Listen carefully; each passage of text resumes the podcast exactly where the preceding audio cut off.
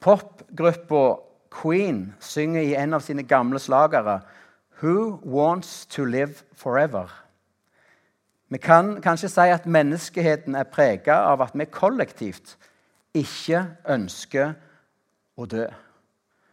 Og en utrolig stor innsats blir lagt ned for å forlenge livet. Stoppe tegn på aldring, unngå døden. Samtidig med dette så blir vi til stadighet minnet om forgjengelighetens og dødens lov, som preger alt liv her på jord. Sykdom, død, aldring og fysisk svekkelse innhenter oss alle. Det er menneskets lodd å en dag dø, sier Bibelen. Og den sannheten er det ikke vanskelig å være enig i. Begrepet evig liv er veldig vanskelig for oss til å forstå rekkevidden av. For alt liv som vi kjenner til på denne jord, er prega av at det har en begynnelse og en slutt. Det går ifra vogge til grav. Jeg skal bare prøve å tygge litt på ordet 'evig'. Prøve å definere det. Altså noe som aldri tar slutt.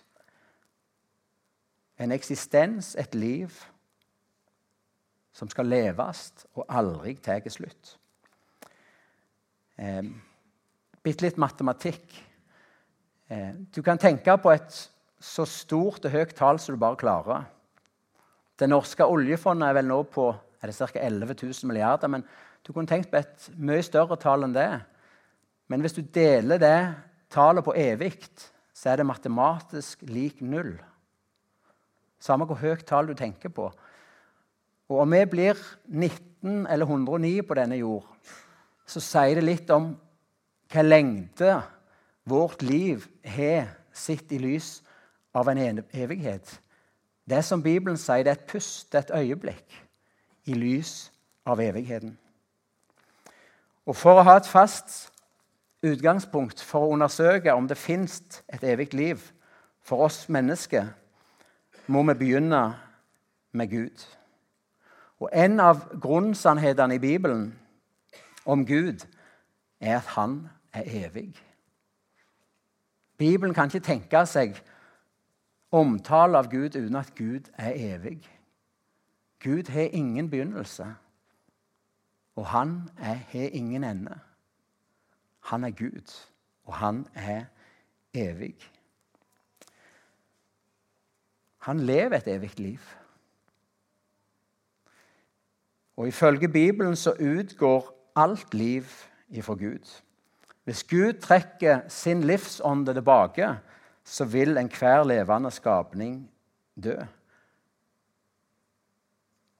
Gud har liv i seg sjøl. Han er den eneste som har liv i seg sjøl.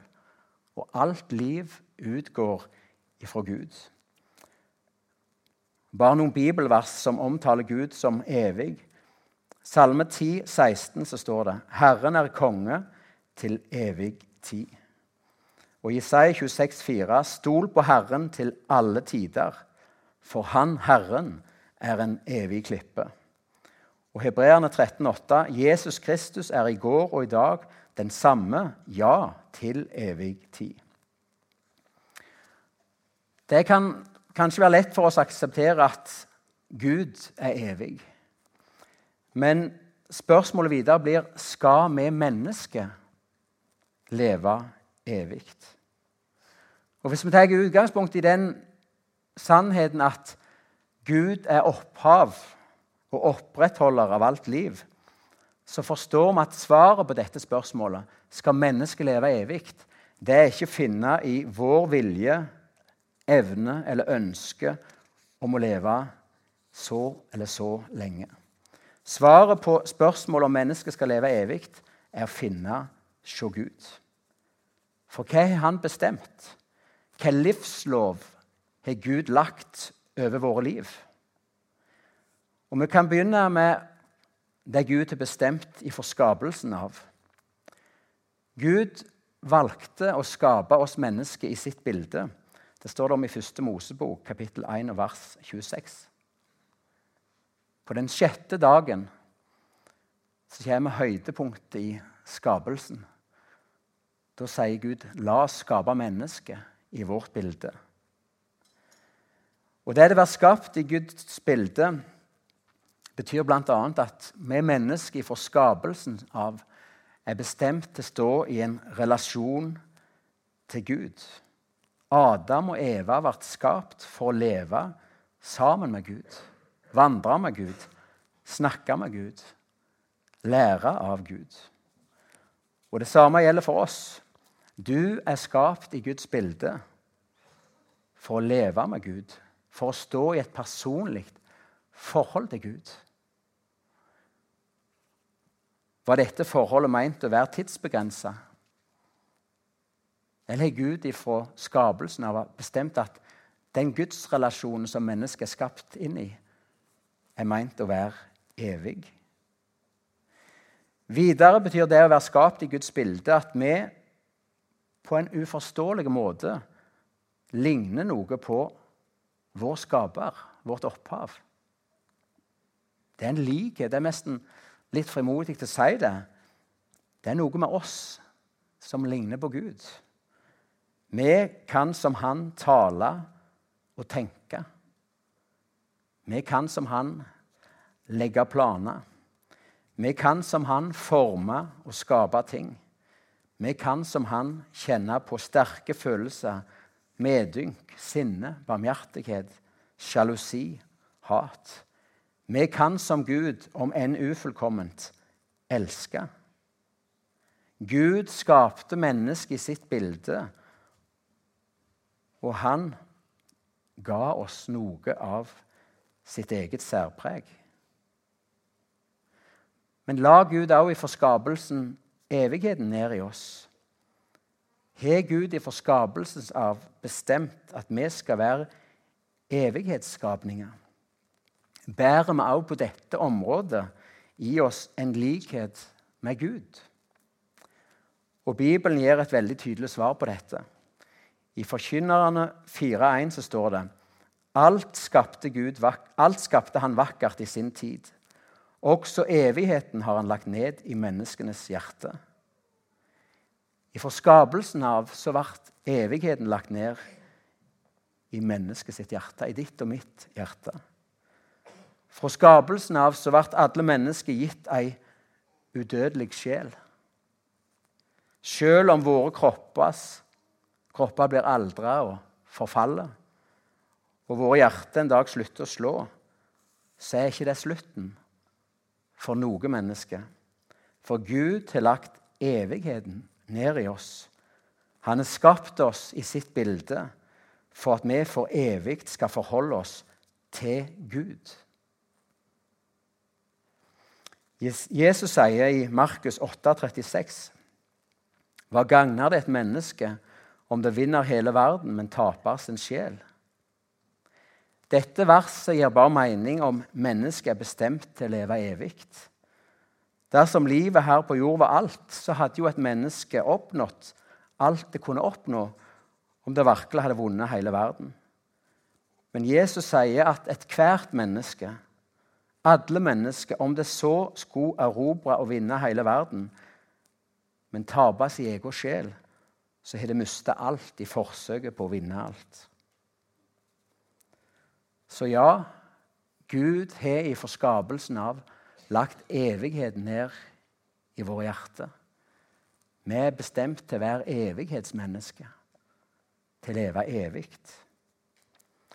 Men hvordan henger dette sammen? For hvis vi bruker erkjennelsen og fornuften, så ser vi jo at generasjon etter generasjon av mennesker dør ut. Slekt følger slekters gang. Det er på den ene siden døden er en realitet. På den andre siden Bibelen sier at Gud har bestemt oss til å leve evig. Jeg kan selvsagt ikke gå i detalj på disse ting, for det skal vi bruke våren på. Og sjøl da når vi ikke overalt. Men eh, Bibelen har noen hovedlinjer i sin visjon av framtida. Og i sentrum av Bibelens framtidsvisjon, den visjonen som peker og setter oss mennesker på terskelen til evigheten, det er Jesu gjenkomst. Det er der Bibelen løfter vårt fokus, til å ha fokus på at Jesus skal en dag komme igjen på himmelens skyer i stor makt og herlighet. Og da skal utrolige ting skje. Ikke alt på en gang, men i den orden og rekkefølge som Gud har bestemt. I tilknytning til Jesu gjenkomst så taler Bibelen om oppstandelse. Alle mennesker som har levd til alle tider, skal i forlengelse av Jesu gjenkomst stå legemlig opp, bli levende.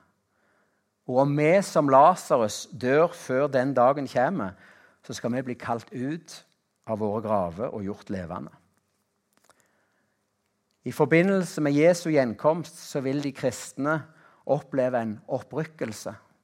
Det taler også Bibelen tydelig om.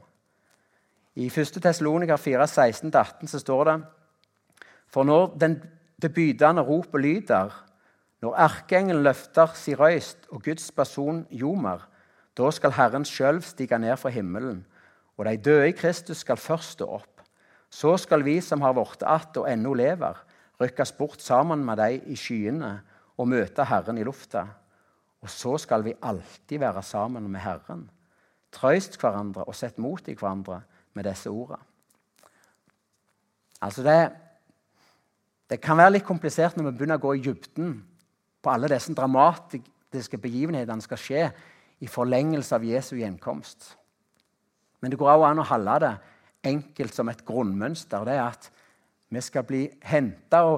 Matteusevangeliet viser at Jesus vil sende sine engler ut. Så blir vi luftbårne opp for å møte Jesus i skya. Og så skal vi for alltid være med Herren. For alltid.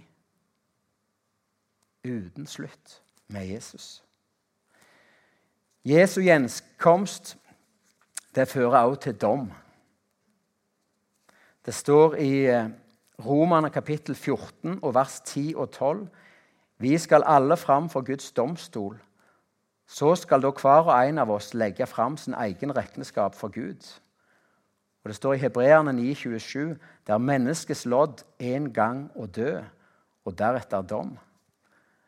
Når Jesus kommer tilbake, så vil han holde en evig dom. Han vil fatte beslutninger, avgjørelser, som i all evighet vil stå fast. Alt vi kjenner til av dommer her på jord, det kan jo være i verste fall livsvarig. Vi har ikke det i Norge. I Norge er vi 20 år. Men når Jesus kommer og skal dømme, skilje, så skal han ta beslutninger som for evig står fast. Og Det står i Matteus 25, kapittel 25, vers 46. Så skal de gå bort til evig straff, og de rettferdige til evig liv. I forbindelse med Jesu gjenkomst så vil det òg skje en nyskapelse. Det står det om i 1. Korinterne 15, vers 51 og 52. Se, jeg sier dere en løgndom. Vi skal ikke alle sovne inn, men vi skal alle bli omskapt i hast, i en augenblink, når den siste basun lyder. For basunen skal lyde, og de døde skal stå opp til uforgjengelig, og vi skal bli omskapte. Og Det står i Roman 8 at hele skaperverket lengter og stønner etter at Guds barn skal bli åpenbart i herlighet. For ved Jesu gjenkomst så vil det òg skje en fornyelse, en nyskapelse. Vi vil få nye kropper som er beregnet på evigheten. Bibelen taler også om tusenårsriket. Det vil sikkert bli et eget tema i en av de talene som kommer utover våren. Og Så taler Bibelen om i forbindelse med Jesu gjenkomst at det skal skapes en ny himmel og en ny jord. Og Vi leser Johannes' åpenbaring kapittel 21 og vers 1-5. Og jeg så en ny himmel og en ny jord. For den første himmelen og den første jorda var borte, og havet var ikke mer. Og jeg så den hellige byen, det nye Jerusalem, komme ned fra himmelen for Gud gjort i stand lik ei brur som er pynta for sin brudgom. Og jeg hørte for trona ei røyst som sa, Sjå, Guds bostad er jo menneske. Han skal bo hos deg. Han skal være deres Gud. Han skal tørke hver tåre på øynene deres, og døden skal ikke være mer, og ikke sorg og ikke skrik og ikke pine. For det som en gang var, er borte. Han som sitter på trona, sa, Sjå, jeg gjør alle ting nye. Og han sa, Skriv det opp, for disse ordene er pålitelige og sanne. Altså Vårt håp som kristne det er ikke at vi for evig skal leve oppe på ei sky. Men vårt håp er at vi sammen med Jesus en dag skal sette våre føtter på ei nyskapte jord. Det nye Jerusalem, som er et annet eh, begrep som Bibelen har på det fullendte Gudsriket, det er gjort i stand for oss i himmelen, men så kommer det ned til oss. Plassen der vi for evig skal leve, det er på ei ny jord. Vårt håp er om nyskapelse. Gud kommer til oss som han gjorde den gang som et lite barn. Gud skal bo iblant dem. Vi skal være med han for alltid. Fins evig liv? Johannes evangeliet bruker begrepet evig liv mye. Og Johannes evangeliet har evig liv en dobbel betydning. Det er noe vi venter på, men det er samtidig noe som vi allerede nå erfarer gjennom vårt fellesskap med Jesus. Og Det står i Johannes 17, 17,3.: Og dette er det evige liv, at de kjenner deg, den eneste sanne Gud, og Han du sendte, Jesus Kristus. Dette er det evige livet, til å kjenne Gud. Å kjenne i Bibelen betyr mer enn å ha teoretisk kunnskap. Det betyr å ha liv og fellesskap. Det evige liv er å ha liv og fellesskap med Gud og med Han som Gud er sendt, Jesus Kristus. Derfor sier Johannes evangeliet at det evige liv også har begynt. For allerede nå har vi kommet inn i dette fellesskapet med Gud gjennom Jesus Kristus. Og I Bibelens store visjoner for framtida blir det å kjenne Jesus definisjonen på evig liv. Det fellesskapet som vi nå har fått med Jesus, skal vare i all evighet. Vil du være klar for det evige liv, kjenn Gud gjennom Jesus Kristus. Er du redd for hva framtida kan bringe, lev med Jesus i dag. Når jeg forberedte dette, så kom jeg på en gammel barnesang av Børud-familien. Himmelen er uforklarlig, slett ikke lett å forstå. Men jeg har begynt å begripe at den er virkelig nå. Himmelen for meg, det er Jesus. Evigheten er der han er. Herligheten er i hans nærhet. Himmel er å være der. Mennesket er krona og høydepunktet i Guds skaperverk. Vi er skapt i Guds bilde og gitt ei evig sjel. Så merkelig det enn kan høres ut i en verden hvor død, sykdom og forgjengelighet herjer, så er vi evighetsskapninger. Gud har lagt evigheten ned i våre hjerter og bestemt at vi som Han skal leve et evig liv. I det liv vi nå lever, så har vi en frihet til å velge Gud vekk. Vi kan leve som om han ikke fantes. Når det gjelder det evige liv, kan ingen menneske velge Gud vekk. Når vi står på grensa mellom tid og evighet, så setter dommen et evig skille. Det blir enten en evighet under Guds kjærlighet og godhet, eller en evighet under hans vrede og straff. Og Bibelens budskap om evig liv og evighet setter oss alle på valg. Er du klar til å møte din skaper og Gud? Er du på vei mot evig fortapelse eller evig liv i Guds rike? Og I Johannes 3, 16 så leser vi For så elska Gud verden, at han ga sønnen sin den enbårne, så hver den som tror på Han, ikke skal gå fortapt, men ha evig liv. Du er et evighetsmenneske som er elsket av Gud.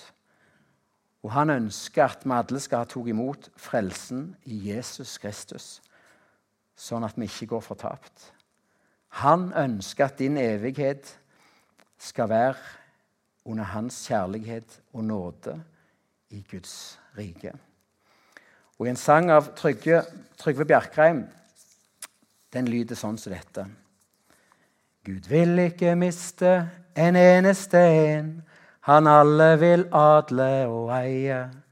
For han er hver sjel som en perlesten, hvis verd bare himmelen kan veie. Fra evige tider Gud tenkte på deg, det beste av alt har i tanker. Så må du ei si ham ditt harde nei, når han på din hjerte dør banker. Du evighetsvandrer i fremmed land, i tider du må deg besinne. En skatt uten like du eie kan, en vidåpen faderfavn finne. Fra evige tider Gud tenkte på deg, det beste av alt har i tanker. Så må du ei si ham ditt harde nei, når han på din hjertedør banker. Så skal vi avslutte denne talen med at vi reiser oss, og så skal vi sammen bekjenne vår tru.